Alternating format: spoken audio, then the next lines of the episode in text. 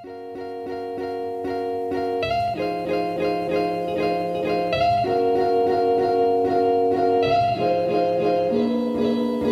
kuulate investeerimisklubi podcasti, kõik on hästi, pea püsti, sõidad, kuulad seda bitti silmistu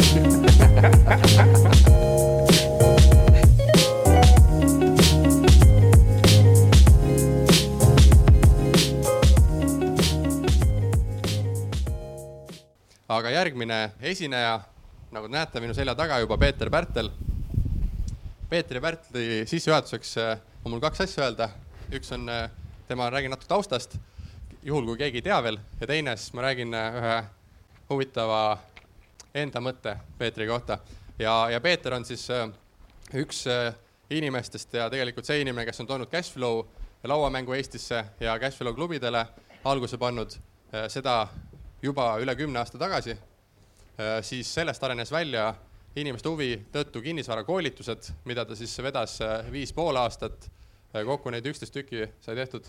kaksteist. kaksteist tükki, viis pool aastat Eesti suurim kinnisvarakoolitus, kes on käinud, siis teab, üli, üli süvitsi minev ja äge, äge üritus oli, oli see kinnisvarakoolitus, et ma ise sain ka ühel käia, sest et Peeter kutsus, aitäh sulle, Peeter mm. -hmm. sellest edasi on siis nüüd Peeter suuna võtnud videokoolitustele ja, ja nimelt sellise asukohavaba äri suunas ja sellele, äh, et, et sinna minna, on ta suurema tõuke saanud sellest äh, ühest raamatust The Millionaire Mind, mille kohta täna pärastlõunal tuleb ka Peetri töö, raamat Töötuba. nimelt kaks tundi, siis läheb raamat, tuleb raamat Töötuba, kõik osalejad said siis võimalusega seda Peetri raamatut alla laadida veebis, et ta tõlgib siis seda raamatut. Ops, sul on juba olemas ka, et et äh, see raamat on see on küll ingliskeelne raamat, fake kaantega The Millionaire Mind ah, kleepid oled siia, jah, hästi. The Millionaire Mind siis äh, Peeter on loonud ka nüüd hiljuti kirjastuse Loogiline. see tegelikult on algusest peale olemas ah,. selge, igastahes selle kirjastusega nad siis seda raamatut tõlgivad eesti keelde, muist on juba tõlgitud ja see osa, mis teie saite ka, on, on äh, Peetri poolt tõlgitud ja see, see, et te selle saite, siis on tänu, ainult tänu Peetrile, sest ta ainult meile kui osalejatele selle kättesaadavaks tegi ja päris suures mahus ka, et seitsekümmend seitse lehekülge saame lugeda juba ära. mina lugesin läbi selle, pean ütlema, et ma lugesin läbi selle ühe päevaga, et ma istusin maha, läksin, võtsin väikse kohvi kohvikus ja siis äh, viis tundi hiljem tõusin püsti sealt ja siis läksin ära, et ülihuvitav raamat, siis kirjutasin Peetrile ka, et, et kuule, et äkki saadad mulle selle ülejäänud osa ka. Peeter ütles, et oota sügiseni eks ma ootan siis sügiseni ja, ja ma tellisin tegelikult ingliskeelse ka, et, et siis äh, kui ma oodata ei jõua, aga ma võtan selle eestikeelse ka ette. Ja see asi, mis ma ise tahtsin rääkida Peetri kohta, on, et äh, kutsusime Peetri siis festivalile esinema. Äh,. hullult äge on see, et Peeter on äh, panustamas hästi suuremahuliselt siia, et tal on täna lausa kolm pool või neli tundi on kokku tema osasid, et siin on täna nelikümmend viis minutit pluss küsimused, siis edasi läheb arutelualale, siis on paneelis oled veel ja siis -hmm. pärast on raamat töötuba ka, et, et, et mul on hea meel, et Peeter nii, nii suurelt meile panustab ja, ja see ongi üks asi, mis on, äh, mida ma hästi suurelt nagu hindan, et, äh, et, et me kutsume Peetri esinema. Äh, noh, võib mõelda, et see on natuke omakasupüüdlik ja Peeter tuleb nagu nii palju vastu, et ta veel tõlgib meile raamatu ära, annab seitsekümmend seitse lehte tasuta lugeda, üliägedat raamatut, on nõus tulema siia neli pool tundi rääkima meile igast oma kogemusi. et kui, kui kutsuda esinejat, siis ei saagi nagu absoluutselt rohkem enam tahta, et Peeter on nagu kümnekordselt ületanud selle, mis, mis meie ootus oli. ja sellepärast ma tänan sind ja, ja võtame ta aplausiga vastu. okei okay,, sulle. nii, mina olen äh, selles suhtes huvitavas seisus praegu, et ma olen päikse käes ja ma tunnen, kuidas päike mulle liiga teeb ja, ja päike mulle üldse, üldse ei meeldi ja ma vahepeal lähen varju, varju peitu. aga nagu jah, sisse mind juhatati, et Peeter Pärtel on mu nimi kui paljud teist on mind kusagil varem kuulnud esinemas laivis? okei okay., kui palju on video vahendusel näinud kusagil? okei okay,, natuke vähem. et äh, mõtlesin ja arvestasin sellega, et päris paljud olete mind varem juba kuulnud ja mõtlesin, mida ma saan siis täna äh, uut anda või, või teistmoodi anda või, või midagi rääkida, mis, et oleks midagi kaasa võtta ja oleks teile sellest kasu. sest ma võin ju enda lugu rääkida ja kui ma hakkaks rääkima nagu enda lugu sündmuste kaudu, siis me võiks nagu kõikvõimalikesse kohtadesse välja jõuda. Äh, ja siis ma tegin natuke ettevalmistusi ka, et ma ennast nagu ohjes hoida. nii et äh, lühike versioon, kuidas ma odavatest välja sain. alustame sellest, sest see on tõesti lühike. ostsin Cashflow lauamängu, mängisin seda Cashflow lauamängu kümneid kordi väga lühikese aja jooksul ja siis rakendasin seda pärisellu. Ehk kui Cashflow lauamäng õpetas, et äh, selleks, et odavatest välja saada, tuleb osta kinnisvara, siis ma läksin ja ostsin kinnisvara. ja kui ta õpetas, et võtta, võtta selleks laenu, siis ma läksin ja võtsin laenu. ja, ja sisuliselt lihtsalt nagu jäljendasin seda, seda teekonda.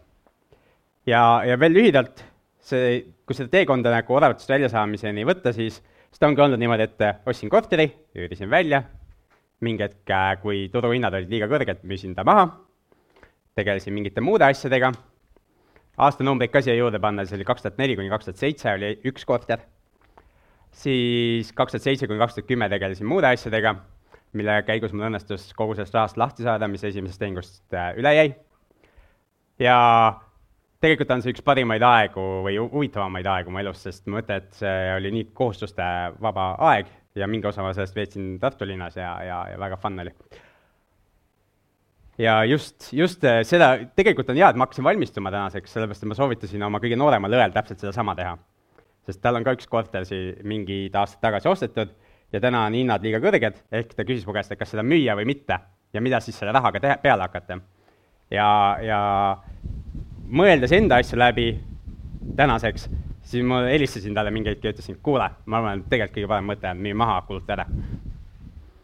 ja miks, sellepärast et äh, nagu minul oli äh, päris mitukümmend tuhat, kolmkümmend tuhat vist äh, vaba raha ja temal tekiks ka kakskümmend viis tuhat vaba raha, siis äh, ma hakkasin raha pärast seda kuidagi teistmoodi väärtustama.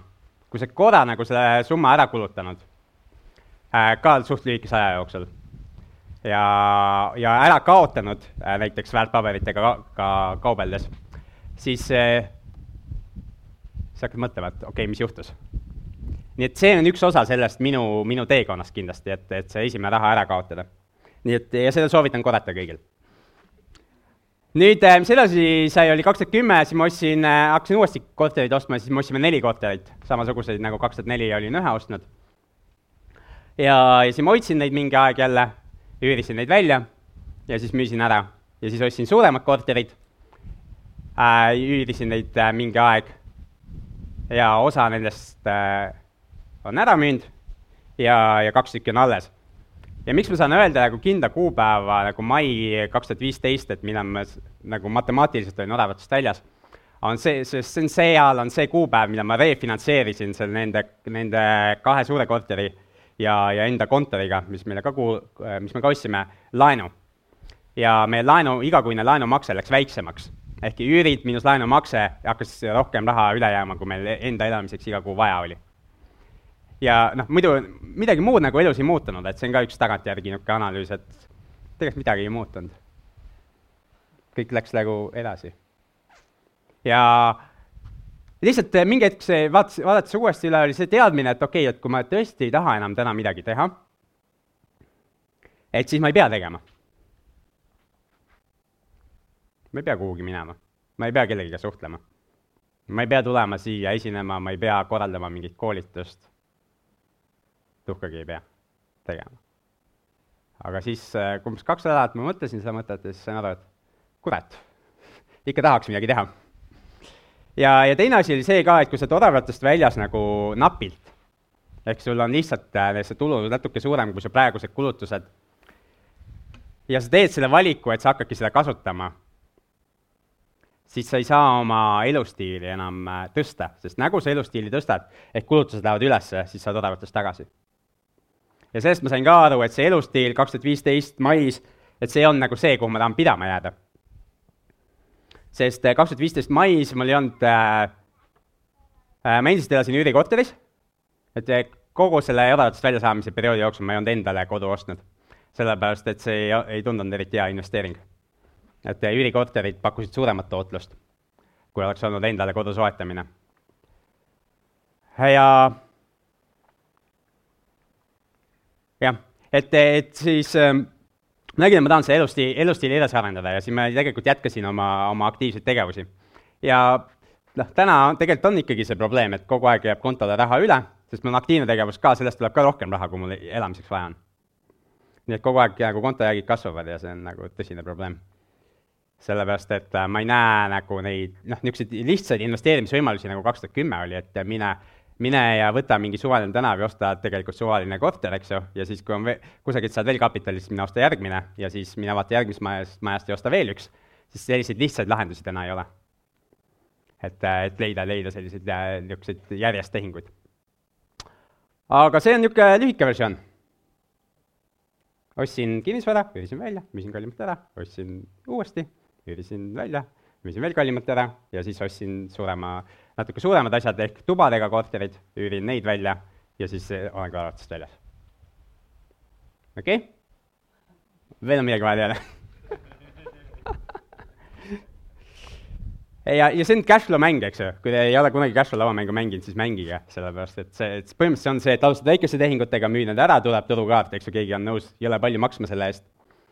ja, ja nagu kaks tuhat seitse olid inimesed, siis äh, ootad, kuni jälle hinnad lähevad normaalseks nagu nad kaks tuhat üheksa, kümme läksid, siis jälle ostad rohkem ja siis ootad jälle, kuni hinnad lähevad ebanormaalseks, nagu nad täna on, siis jälle müüd.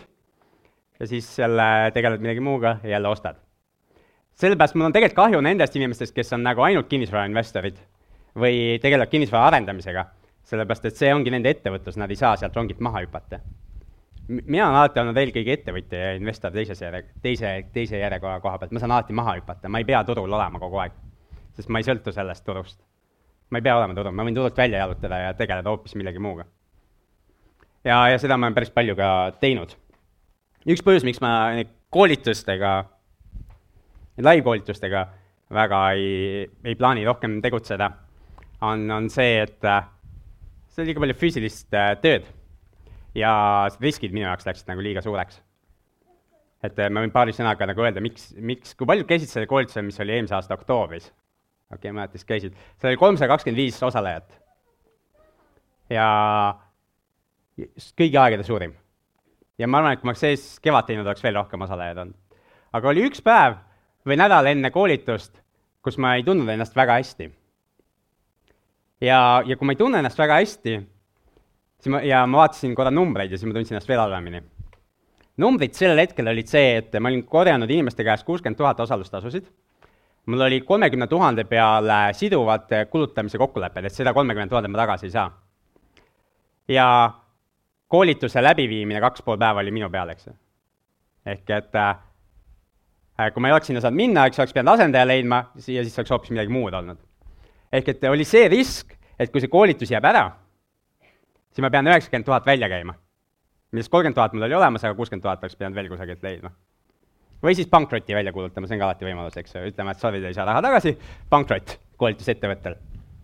ja, ja see oleks äh, võib-olla ka olnud okei okay variant, sellepärast et äh, üks asi, mis ma olen algusest peale ka veel teinud, on see, et äh, mu investeeringud ja ettevõtlus on lahus, need ei ole samas ettevõttes. et kui keegi äriregistrist võtaks mu nime lahti, võite teha, siis te näete, et minu nimega on seotud, ma olen püüdnud neid nüüd vähendada, neid pole nii palju vaja, aga mingi hetk oli võib-olla ka kaheksateist erinevat osaühingut. ehk tegevused kõik on lahus ja, ja, ja sellepärast põhimõtteliselt pankrot oleks ka okei okay täiesti, eks. sellest oleks Äripäev saanud kindlasti hea uudise, et Peeter Pank, Päevtali koolitusfirma läks pankrotti vot, oleks saanud klikke natukene. aga ma räägiks sellest natuke pikemast versioonist ka. see ma panin endale nagu kirja. Äh, ja millest oleks õppida, just see, ma just mõtlesin selle koha pealt, mida teie saaks korrata. sellepärast, et see esimene, et osta kortereid ja müü ära ja noh, osadel teist on nagu noh, ammu see selge ja te teate ja mõni, mõni teeb ka juba ja teisel ei ole jälle mõtet, et kust see raha tuleb, et seda osta, eks ju. aga üks variant on küsida teistelt inimestelt, aga, aga on minu meelest parem variant. ja see parem variant on ettevõtlus. ja kuidas minust nagu niisugune, mul on erinevaid ettevõtluskogemusi, on päris mitmeid ebaõnnestumisi ka. ja siis ma kuidagi tulekustuteid müünud. väga huvitav äri, aga raha ei teeninud ja kaotasin raha lõpuks, ma äh,, jah, sinna, sinna ma mõtlesin ka mingi summa, sada tuhat krooni, mis oli päris suur raha sel hetkel. ja, ja ühest heast sõbrast sain ka lahti, sest ta töötas mu juures ja ma pidin talle mingi hetk ütlema, et sorry, et mul ei ole raha, et seda palka välja maksta. siis ta ütles, et fuck you too ja läks minema. Põhimõtteliselt. Aga minu ettevõt-, eduka ettevõtluse ja mida, mis on korratav, on see, et et mul oli probleem. ja probleem, ja see ei pea alati sinu probleem, aga mingi probleem peab olema. ja mida Madis Müür ka tegelikult enne, enne rääkis, eks ju, et startup'ide puhul ka, mida vaadata, on see, kas nad lahendavad mingit probleemi, eks ju. siis minu, ma täiesti mitteteadlikult tegin seda, mida, mis ma praegu räägin, et see on niisugune tagantjärgi kokkuvõte, tagantjärgi analüüs. aga mul oli probleem, probleem oli see, et ma olin selle äh, kuramuse kalli lauamängu ostnud, eks ju, Cashflow lauamängu maksnud selle eest sada üheksakümmend seitse dollarit, pluss transpordi eest veel maksnud mingisugune kuuskümmend dollarit, pluss kogu selle summa pealt tahtis riik saada mingit tollivormistustasu, mingisugust mis iganes tasu ja siis veel käibemaksu kõige selle otsa, eks ju. et ma olin maksnud mingi neli pool tuhat krooni ühe lauamängu eest, mida ma mängida ei osanud. ja, ja kui ma rääkisin oma, ma ei tea, õdedele või, või mõnele lähem sõbrale, siis neid ei huvitanud see mäng ma ei taha sinuga mängida mingit kuradi lauamängu, millest sa isegi aru ei saa. Ja kes sellest üldse kuulnud midagi on, eks ju.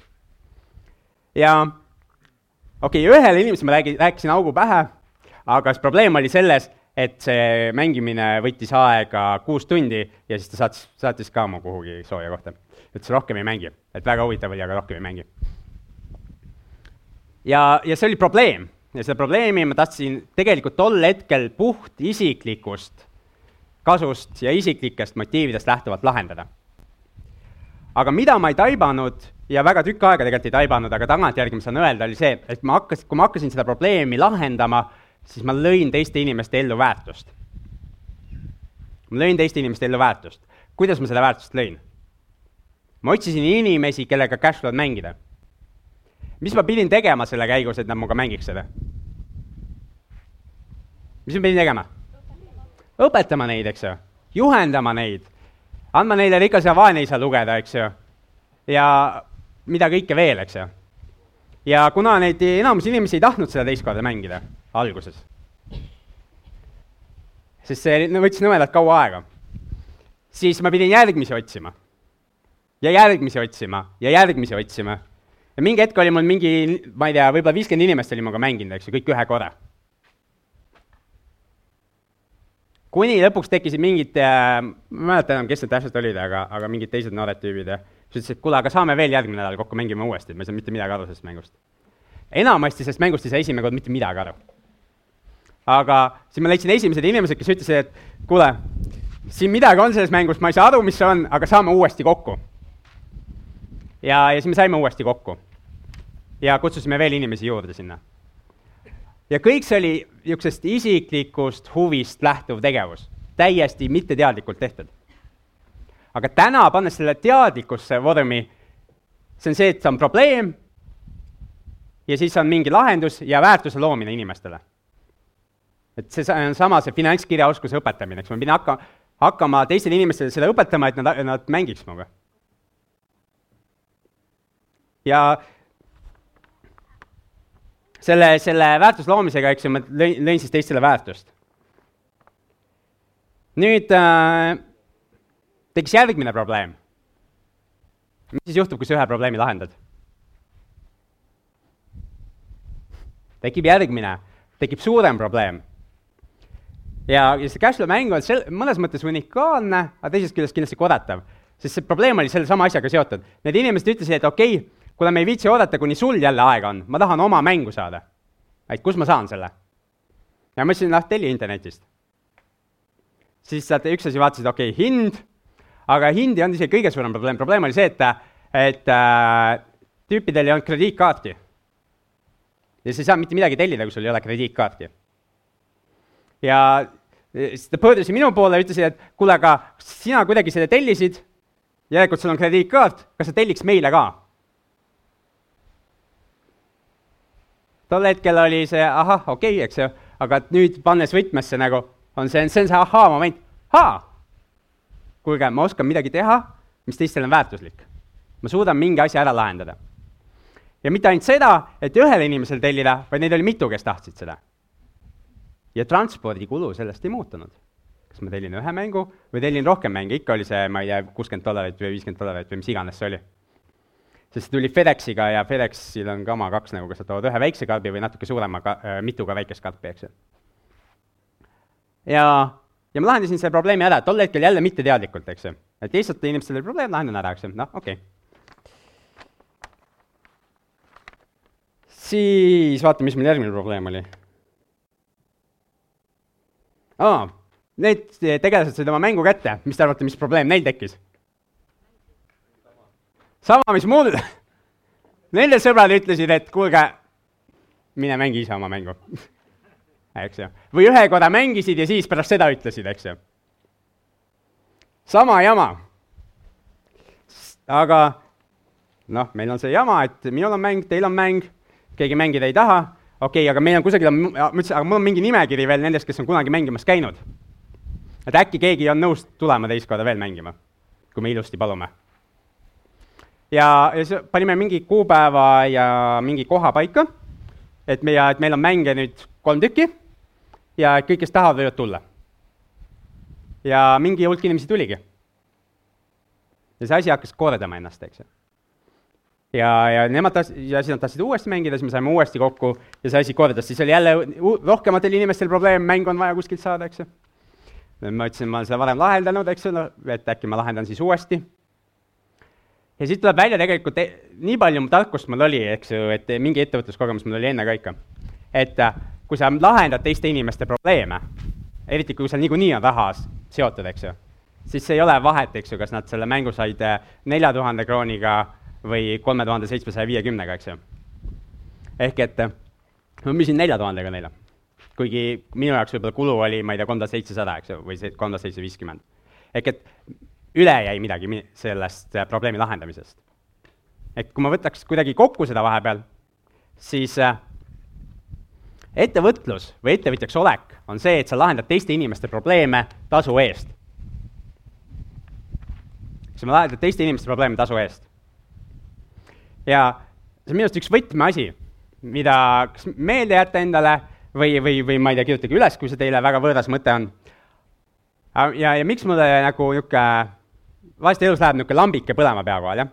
et hiljuti mul sellega just läks lambike põlema, sest äh, rääkisin kellegiga, kes äh, tahtis nagu, ta tahtis või tahab ettevõtjaks hakata, eks ju, ja aga ainuke, ta ütles, et ta ei taha kellegi teiste jamaga tegeleda, ta ei taha ühtegi probleemi lahendada, eks ju tahab, et oleks mingid inimesed, kes äh, iga kuu raha annavad.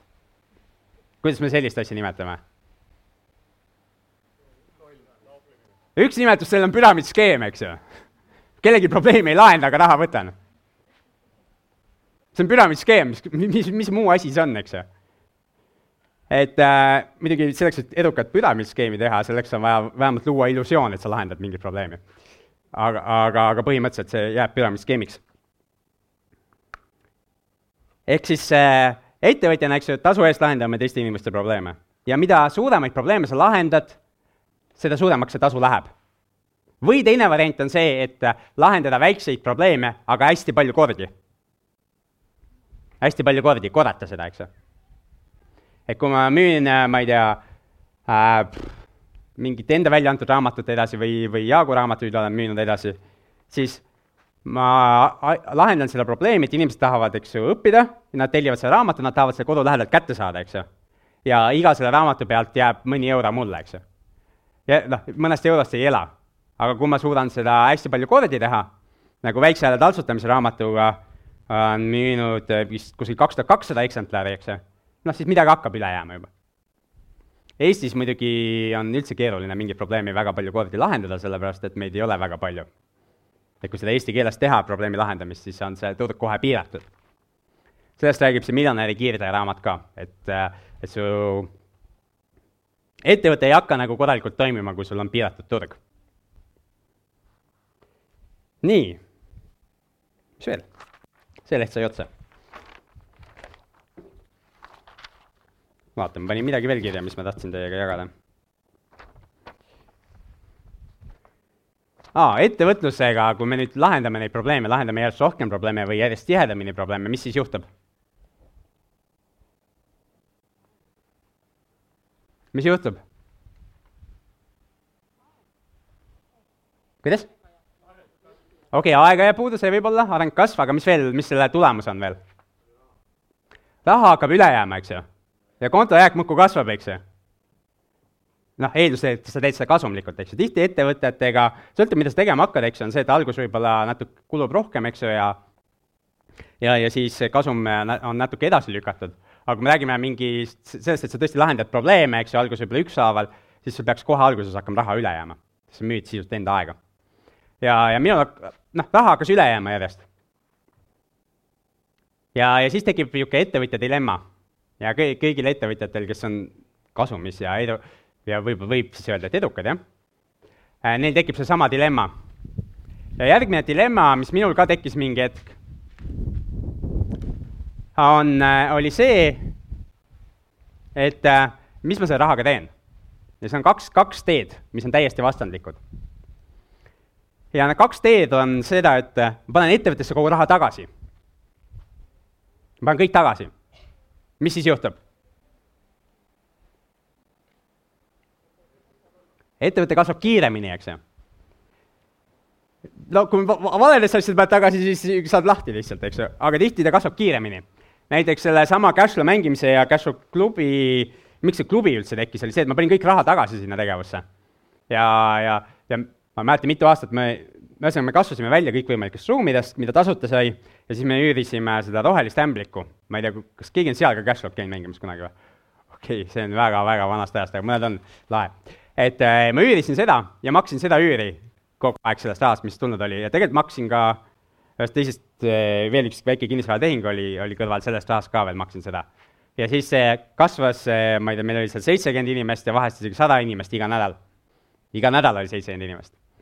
Ja noh, tükk aega mulle tundus, et on samad inimesed, aga siis, kui ma nimekirja vaatasin, siis vaatasin, et ei ole. et need kümme tükki on samad ja kogu aeg on uued. ja siis inimesed tulevad tagasi, aga see kasvas et see on üks variant, mis tee mööda minna. aga, ja teine variant on see, et sa äh, kasumi investeerid kuhugi mujale kui samasse ettevõttesse. ehk et on kasum, on raha, aga ma ei pane siia tagasi, ma panen seda teise kohta. ma hakkan seda investeerima. Üks variant on, mida, milles ma olen ka süüdi, on see, et alustad teist ettevõtet seal kõrval, eks ju. siis juhtub su ajaga väga huvitavad asjad, aga aga, aga ütleme, et hakkad kinnisvarasse panema väärtpaberitesse, hakkad seda kuhugi investeerima ma annaks teile esimesed kaks-kolm minutit, olge head, võtke oma partner ja arutage korra, mis see, kui sul on see ettevõtja dilemma, kõigepealt proovige ennast panna selles seisukohta, et teil jääb raha üle iga kuu. Te teate, järgmine kuu jääb ka üle, eks ju. võib-olla on võõras mõnele, aga, aga pange ennast sinna seisu kõigepealt, eks ju, et teil jääb raha kogu aeg üle. Ja nüüd on see dilemma, et kas ma panen sellesse samasse tegevusse raha tagasi või ma investeerin seda kuhugi mujale. okei okay?? kaks-kolm minutit, arutage enda naabritega, kaks-kolm inimest võtke või, või kui te olete neli, siis neli ja ma olen nii kaua varjus. ja siis läheme edasi.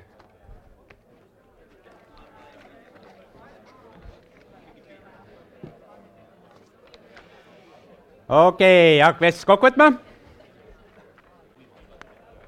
Ja tänaga vestluspartnereid. mis võiksid siis need plussid-miinused olla, et kui ma panen kõik raha ettevõttesse tagasi? mis oleks plussid? mis on ka, mille poolest on kasulik see, kui ma teenin ettevõttega mingi raha ja panen kõik tagasi ettevõttesse? korra rääkisime sellest juba. eks kiire areng, on veel midagi? okei okay,, väljaspoolt ei pea investorid võtma, kui see on kasvuks vajalik, eks ju. okei okay. Äh,. tegelikult päris palju ärisid, nagu see ikka cash flow'ga mässamine ja raamatupidamise äri olnud ja, ja on olnud see tulekustuti müük ja, ja mingid muud asjad.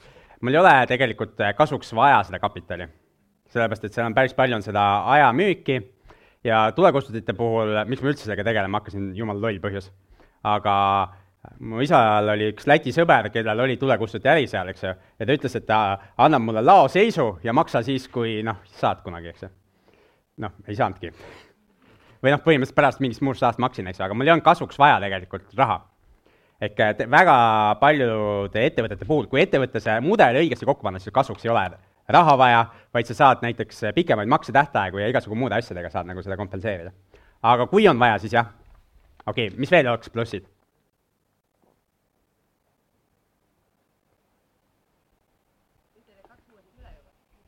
kuidas?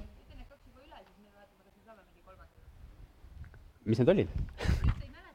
okei üks oli kiire areng ja teine oli see, kui kasvuks on kapitali vaja. kas on veel mõni pluss, et kui me paneme kõik raha tagasi? enda fookus on paigas, eks ju, see võib-olla isegi on kõige olulisem selle asja juures, eks ju. et sul on fookus paigas, sa tegeled ühe asjaga korraga. et kõik te ise teate, kes on süüdi selles, et mul on seitse ametit ja kaheksasada neli või mis see oli. või oli rohkem neid ameteid ja siis oli nälg lõpus. ja ise ka süüdi selles. Täiesti peab peeglisse vaatama ja, ja olen süüdi selles. liiga palju asju olen korraga teinud. ja, ja aja jooksul olen vähendanud ja, ja mida rohkem olen vähendanud, seda edukamaks on nagu asi läinud. mis veel? oli teil veel arutelu käigus mõni mõte? kuidas sa targemaks saad? nagu nagu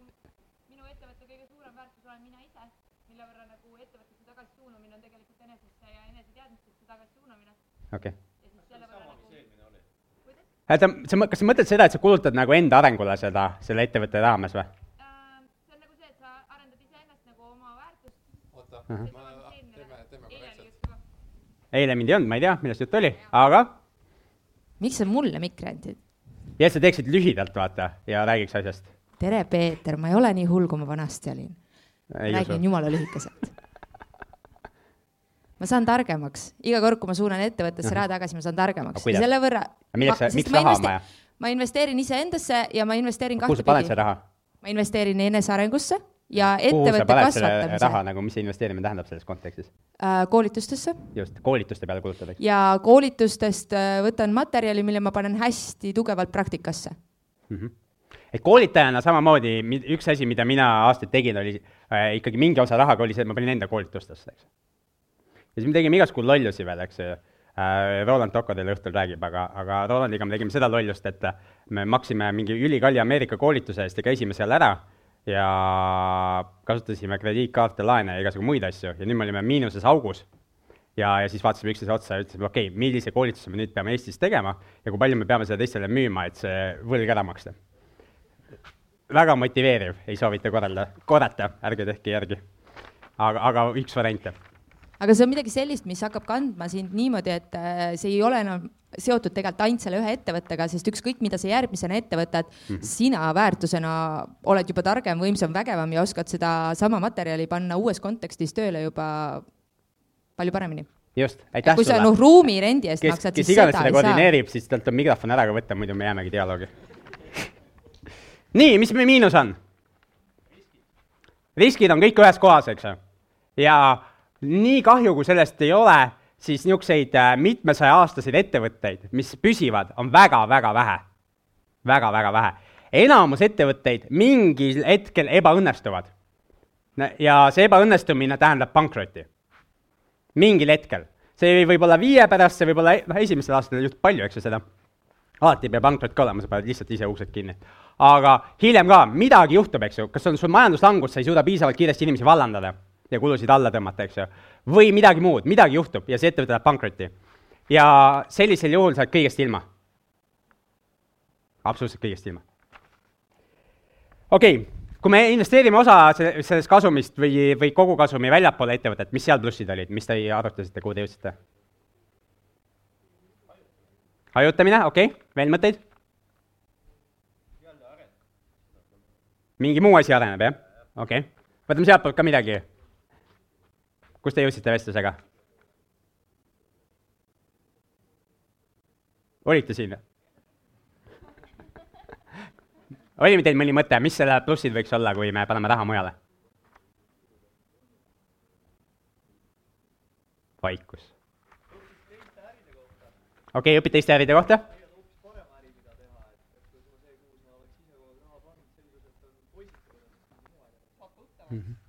okei okay., mis miinused on, kui sa paned raha mujale? ma olen natuke rääkinud ka sellest juba fookus on hajutatud, kõige suurem probleem tegelikult on see, et su enda aeg on hajutatud, eks ju. ja kinnisvarasse investeerimine võtab jõle vähe aega. välja arvatud siis, kui ta võtab aega, eks ju, ja siis sa pead kohe tegutsema.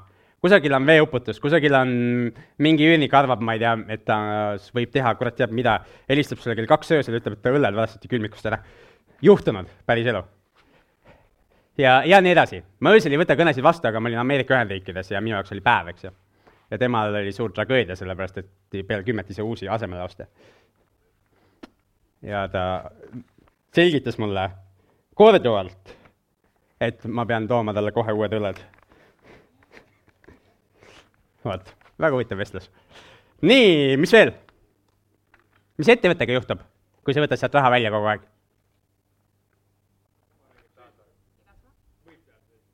Areng jääb kas seisma või aeglasem vähemalt on see areng, eks ju. see, see kasv, kasv on aeglasem, võiks olla kiirem, eks ju. nüüd äh, üks asi, mida inimesed äh, teevad ja mida oli näha ka kaks tuhat üheksa, kümme, jah, kui see ma-, viimane majanduslangus suur oli, eks ju, ma olen järgmisel ajal, näete jälle, oli see, et isegi Eesti üks jõukamaid inimesi äh, mida ta küll teinud oli, oli see, et tal oli ettevõtlus ja siis ta oli ettevõtte kasumil, osa kasumist välja võtnud ja investeerinud kinnisvarasse, jah. ja üks nendest oli see Krunt olümpia vastas. Ja, ja, ja paljud ettevõtjad, teised ettevõtjad ka, eks ju, nad teevad tegelikult seda teist varianti, sest äh, nad saavad aru, et peaks nagu midagi veel tegema igaks juhuks, eks ju. aga nad teevad ühe asja valesti. mis see olla võiks?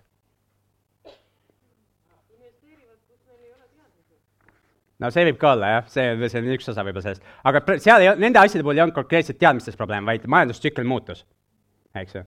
muidugi tark inimene võiks teada, et majandustsüklid on olemas, eks ju, aga äh, mis nad valesti tegid? Miks see neile saatuslikuks sai? okei okay,, see, aga miks see veel saatuslikuks sai?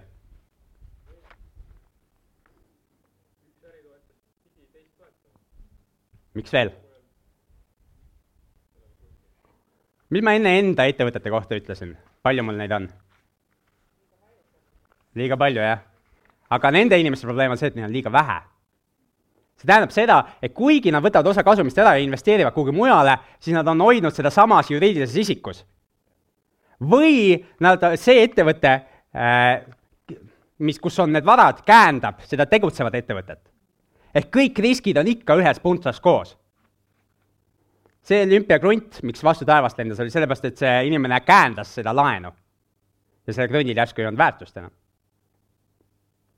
Ja nüüd minu meelest kas see aasta või eelmine aasta eh, lõpuks müüdi see pankrotivarana ära ja, ja, ja ma ei mäleta, mis see hind oli, kas üks kümnendik sellest, mis ta maksis kunagi või midagi niisugust, eks. kümme aastat hiljem. aga ehk kui te investeerite väljapoole enda ettevõtet või, või seda põhitegevust, siis tehke seda eraldi ja seal, ma ei tea, niisugune popp sõna nagu tulemüür, jah. kõik saavad aru, mis on tulekindel sein. okei okay,, mis tulekindla seina eesmärk on? Kui üks pool põleb, siis ei läheks teisele poole, jah. mida paljud inimesed teevad ja mida, mida praegu tuletõrje inspektorid ka kirjutavad, et kui millegipärast nad on hakanud aktiivsemalt kontrollima igasugu hooneid, on see, paljud inimesed teevad seda, kuule, mul on üks kaabel vaja viia, auk sisse, kaabel läbi, eks ju, ühendus kahe vahel. eks ju, mul on vaja mingi toru viia, auk sisse, toru läbi, eks ju, jälle ühendus see on see käendamine, see on see, kui need ärid on omavahel seotud kuidagi. ja siis, kui tulekahju tuleb, siis ta tõmbab platsi puhtaks, kõik tõmbab puhtaks. Tulekahju võib olla siis majanduslangus või midagi muud. kuidas? jah, aga need jäetakse panemata, eks ju. just. väga kallid juristid küsimus oli see, et mis, et need torud ja kaablid saaks ära isoleerida, kasutades hermeetikuid, eks ju, et see tuli, no mis peavad tulekindlad olema, eks ju, neid on mittetulekindlaid ka, eks ju. aga et ettevõtete puhul, mida see tähendab, see tähendab seda, et peab olema erinevates ettevõtetes äh, need asjad. Mis või, tekitab lisakulusid, mida, miks, see on üks põhjus, miks inimesed teha ei taha, esiteks on mitu ettevõtet, mitu raamatupidamist, eks ju. aga teine küsimus on see, kuidas raha saab ühest ettevõttest teise igasugu huvitavaid variante on, eks ju, aga tegelikult kõige niisuguse äh, otsesem variant on see, et üks ettevõte maksab dividendid välja ja sa paned selle teise ettevõttesse sisse. seal tekib maksustamine. me ei taha seda teha. on variante, kuidas mingil määral saab sellest mööda, aga täielikult ei saa sellest mööda. Aga see maksustamine on see hind, mis sa maksad selle tulemüüri loomise eest. see maksustamine loob, võimaldab sul seda tulemüüri luua. okei okay mis ma veel kirja panin ah,? mis ma siis ise otsustasin äh, teha?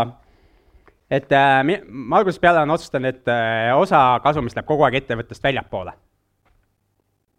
ehk siis teise ettevõttesse. Ja üks viis, kuidas seda tulemüür alles jääks ja saab teise ettevõttesse minna, ma enne ütlesin, et mulle kuulub ka üks äripind. et üks äripind kuulub mulle, aga seda üürivad minu teised ettevõtted. ja nüüd see ongi see hermetiseeritud toruühendus kahe ettevõtte vahel, kus kaudu raha iga kuu liigub ühelt ettevõttest teise. ja kuidagi ei saa neid omavahel siduda, see ei, see ei seo neid omavahel. Nad on endiselt jagatud, aga üks maksab üüri. nüüd, kui ma üüri suurust määran, kas ma võin suvalise üüri panna? ei või, Kristaga võite rääkida seal ja Krista teab, eks ju, ei või, eks ju, seal tekib maksustamine. aga üüridega on alati mingi vahemik, eks ju, on see, et noh, kõige soodsam hind, millega niisuguseid pindu üüritakse, et kui kellelgi võõralt tahaks üürida, siis ma tahaks seda hinda, eks ju. ja siis on kõige kallim hind, mida kusagilt võõralt üüritakse. kumma ma valin? Kõige kallima, mis vähegi saab, kui ma suudan põhjendada kõrgemat üüri, põhjendan kõrgema üüri ära. et ma saaks suurema summa liigutada ühest ettevõttest teise. see on, ja tulemüür jääb alles. see on üks viis, kuidas teha ja nii naljakas, kui ka see ei ole, ma eks ju, aastaid ja aastaid on see mul tiksunud, ma tegelikult ei pane tähele, et iga kuu mingid summad lahkuvad ettevõtetest. ainukene koht, kus ma seda näen ja mida ma ei vaata igapäevaselt, on siis kinnisvarafirma pangakonto, eks ju. kus siia, muudkui vaatan, kus jääk jälle nii palju kasvanud on, eks ju. Noh, niimoodi ongi kasvanud, et tal tuleb üüri sisse. üks asi veel, mida ma algusest peale otsustasin teha, on see, et annetada osa kasumist ja ma olen annetanud aastaid ja aastaid ja aastaid junior achievement'ile kui palju teab, mis asi on junior achievement? kui palju pole õrna aimu, mis junior achievement on? see on see sihtasutus, mis äh, õpilasfirmade programmi teeb koolides. ehk äh, kui te ei teadnud, siis majandusõpe koolides, eks ju, meil on mingil määral olemas, aga see ei ole riiklikult rahastatud. et äh, kui kõik teiste ainete õpetamine on riiklikult rahastatud, siis majandusõpe ei ole. majandusõpetajate õpetamine ei ole, seal ei ole, riik on alati näidanud seda ilusat keskmist sõrme erinevates vormides neile. et, et see majandusõpe ei ole rahastatud riigi poolt. ja, ja, ja õpilasfirmade programm ei ole rahastatud riigi poolt ja nii edasi. ja aga siis on üks sihtasutus, kes on seda üheksakümnendate alguses Eestis, Eestis vedanud ja tänu neile on see majandusõpe olemas. Ja ja, ja kunagi ma lugesin, eks seda Rikas ja vaene isa raamatut, seal oli kirjas, et kümme protsenti tuludest annetaja, siis noh, mulle see raamat üldiselt meeldis, siis ma annetasin kümme protsenti. ja siis äh, ma sain mingi suurema summa, siis ma annetasin sellest ka kümme protsenti ja selles ma just sain endale mingi tänukirja, et esimene eraisikust annetaja Junior Achievementile. küsi. küsimus on selles, et miks sa arvad, miks Eestis ei ole annetamiskultuur äh, väga kaugele jõudnud? tead, mul jumala ükskõik. Lahendame enda probleeme. ma ei, see, ma ei püüa teid veenda annetama, tahate annetage, kui ei taha, ärge annetage. eks ju. et äh, mina olen lihtsalt teinud niisuguseid otsuseid ja annetanud ja, ja Junior Achievementil jääb alati raha puudu mingi, iga aasta, vähemalt korra. ja siis ma olen öelnud, et nad võivad mulle helistada. ja siis ma organiseerin selle ära, et neile annetataks piisavalt, et see auk jälle kaetud saaks. Kuigi, ja nüüd ma hakkan neile ka ütlema, et äkki me mõtleks mingi pikaajalise lahenduse välja, et te, telefoninumber on küll olemas, aga, aga jah. siis üks otsus oli veel, mille ma tegin, aga selleks ma pidin vigu tegema ja sellepärast oli jõle hea, et see esimene kasum, mis ma kaks tuhat seitse sain esimesest korteri müügist, et ma selle ära kulutasin. sest äh, osa kulus läbi vigade ära ja osa kulus läbi väga lõbusa elu Tartus ära. Mis on ka pikk jutt ja ma ei hakka sinna minema, muidu mul tuleb nii palju vahvaid mälestusi. okei okay., otsus oli see, et ma investeerin ainult sinna, mille üle mul on kontroll. ja millest ma aru saan kontrolli arusaamine, ma pean aru saama sellest asjast ja ma pean kontrollima seda. see on minu jaoks investeerimine, kõik muu on loterii ja mängimine ja, ja mingi muud asjad, et ma mängin, mängin küll vahest, eks ju. ja olen ostnud mingeid, natuke mingeid väärtpabereid ja, ja mingit muud nalja ka, aga, aga noh, see ei ole investeerimine minu jaoks, see on mingid muud põhjused. investeerimine, ainukene asi, mina kui suhteliselt äh, loll inimene mul on selle kohta põhikooli lõputunnistus ka näidata, eks ju, kus on kolmed kokku saadud, osa miinusega, siis äh, millest mina aru saan, on kinnisvara ja elukondlik kinnisvara. Ja muudest asjadest mul on natuke raskem aru saada, ärikinnisvarast ma ka natukene saan aru büroopindadest, aga, aga muud, noh, ma sain teada, et väärtpaberitest ma ei saa aru ja, ja väärtpaberid on niisugused nõmedad, aeglased ja, ja sa üldse ei saa aru, mis seal toimub. siis ma vaatasin, et on olemas mingid optsioonid, siis need tundusid ka liiga aeglased ja, ja igavad, siis oo oh,, futuurid on olemas. siis ma proovisin, mis futuuridega juhtub. siia saingi lahti ravasta. Läksin tagasi kinnisvara juurde. Kes ei tea, mis futuur on, üks hea asi, mida teha veel koolitustel, ma ei tea, see on ka siin koolitus, jah. ühesõnaga, koolitustel nagu see, et, et teil on telefonis mingi notes või mingi asi, kuhu saab märkmeid panna. kui te kuulete mõnda sõna, millest aru ei saa, pange kirja ja minge vaadake hiljem, otsige netist, mis asi see on. nii õpite midagi uut juurde. kõik, kes ei tea, mis sõna on futuur ja mida, mida sellega teha saab, pange endale kirja, minge vaadake netist. see on jumala lahe instrument. okei okay.? aa, meil oli ajaline piirang ka ju. Okei okay.. nii, mis ma teile veel öelda tahtsin, aa, kinnisvarast investeerimisest natukene võib-olla veel. oli see, et cash lõpetab, et seda ostetakse laenuga ja ma olen saanud kinnisvara osta laenuga tänu sellele, et mul on, on ettevõtted, millel on vaba rahavoogu, ehk iga kuu jääb neist raha üle. kõige rohkem minu ettevõtetest meeldib pangale raamatupidamisfirma. sellepärast, et millegipärast nad usuvad, et need kliendid järgmine kuu ka maksavad. Näiteks üürilaekumine neid ei huvita, ma praegu just ühte laenu muudan, tegelikult panka ei huvita, huvita see üüri, üürilaekumine sest äh, nad ei usu, et üürnikud maksavad ja nad teavad väga hästi, et Eestis elamispinnal üürnikud võivad kümme aastat tasuta ka elada, kui nad tahavad ja oskavad venitada kõikide asjadega. ma olen veel kinnisvara kohta mingeid asju pannud, aga meil on siin kohe mingisugune paneel tulemas, et ma saan nendest sealt rääkida. vaatan, kas meil viimase lehe peal oli ka veel midagi, midagi, mida teiega jagada. Aa, kokkuvõte, voh. jumala õige koht. kokkuvõte üks asi veel, mida, mida teiega jagada, on see, kui paljud teist on kuulnud kunagi seda soovitust, et maksa endale esimesena? okei okay., kui paljud teist maksavad endale esimesena? okei okay,, ma räägin kohe, mis see tähendab, siis äh, vaatame, mitu kätt alles jääb. Endale esimesena sa saad maksta ainult ühel juhul, kui sa omad ettevõtet ja see raha tuleb sinna ettevõttesse ja sa paned näiteks üürina kuhugi mujale kõrvale osa rahast. palgatöötaja ja FIE ei saa mitte kunagi esimesena endale maksta, see ei ole võimalik Te ei saa maksta endale esimesena. mitmendat te olete, oota, vaatame. Äh, te maksate kõigepealt tööandjale, eks ju, et teil oleks see lõbu, et seal töötada üldse. noh, ja siis te maksate riigile, osa tulumaksust läheb sinna, siis äh, te maksate kohalikule omavalitsusele, osa läheb sinna, siis te maksate Haigekassale mingite teenuste eest, mida te kunagi ei kasuta, sellepärast et kui teil neid vaja on, siis teil pole aega oodata seal järjekorras. siis te maksate Töötukassale, sellepärast et keegi kusagil on otsustanud töötu olla ja mitte tööl käia. siis te maksate pensionifondi, et garanteerida, et teie pankur vaeseks ei jääks ja lõpuks saate mingi summa endale ka. ehk et kui te nüüd järgmisena maksate endale, siis te olete järjekorras, ma ei tea, seitsmes, kaheksas, mitmes te olete? kusagil väga-väga taga. ehk et soo-, otsustage maksta endale esimesena, aga tehke siis ka seda, mitte ärge kujutage ette, et te teete seda.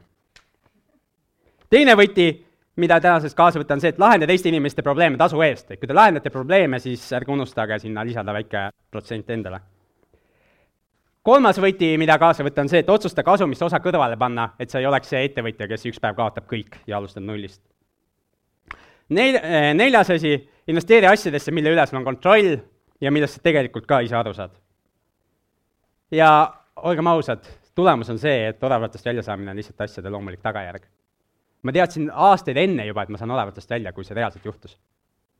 sellepärast, et kui me seda Cashflow klubi tegime, siis seal oli üks arutelu küsimus oli see, et kui sa teed sedasama, mida sa teed, siis kuhu sa jõuad viie aasta pärast? ma juba viis aastat varem teadsin, kuhu ma jõuan, odavatest välja. ja kõik see on alles algus, minu jaoks on ka see alles algus. Ja see, et sa oled odavatest lihtsalt väljas matemaatiliselt, see ei muuda tegelikult väga palju su elus. no välja arvatud see, et sa võid igal ajal lõpetada kõige tegemise. ja elada sama ilustandardiga edasi. aga see ei peaks kedagi rahuldama et äh, minu ikkagi järgmine siht ja eesmärk on saada rikkaks, nii et äh, nüüd tuleb hakata selles suunas liikuma. sest odavatest väljasaamine ei ole rikkaks saamine. see tähendab lihtsalt, et, et kui sa kulutad tuhat eurot kuus, siis, sul tuleb ilma aktiivset tööd tegemata, tuleb, ma ei tea, tuhat üks eurot sisse, eks. That's it, oledki odavatest väljas. aga rikkaks tahaks ka saada, et see on järgmine teema.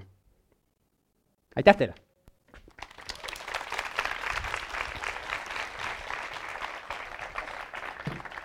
ja õhtul kõik, kes tahavad teada, kuidas rikkaks saada, siis me räägime sellest.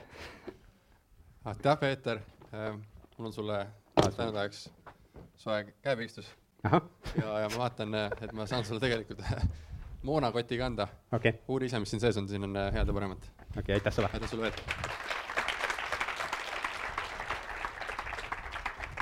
ma vaatan kella pealt, et meil on äh, umbes kümme minutit nüüd äh, väike paus, niikaua kui me paneeli asjad äh, valmis saame, nii et kümne minuti pärast hakkab siin kinnisvara teemaline paneel. Äh, nii et saate püsti tõusta, sirutada ja siis tagasi tulla.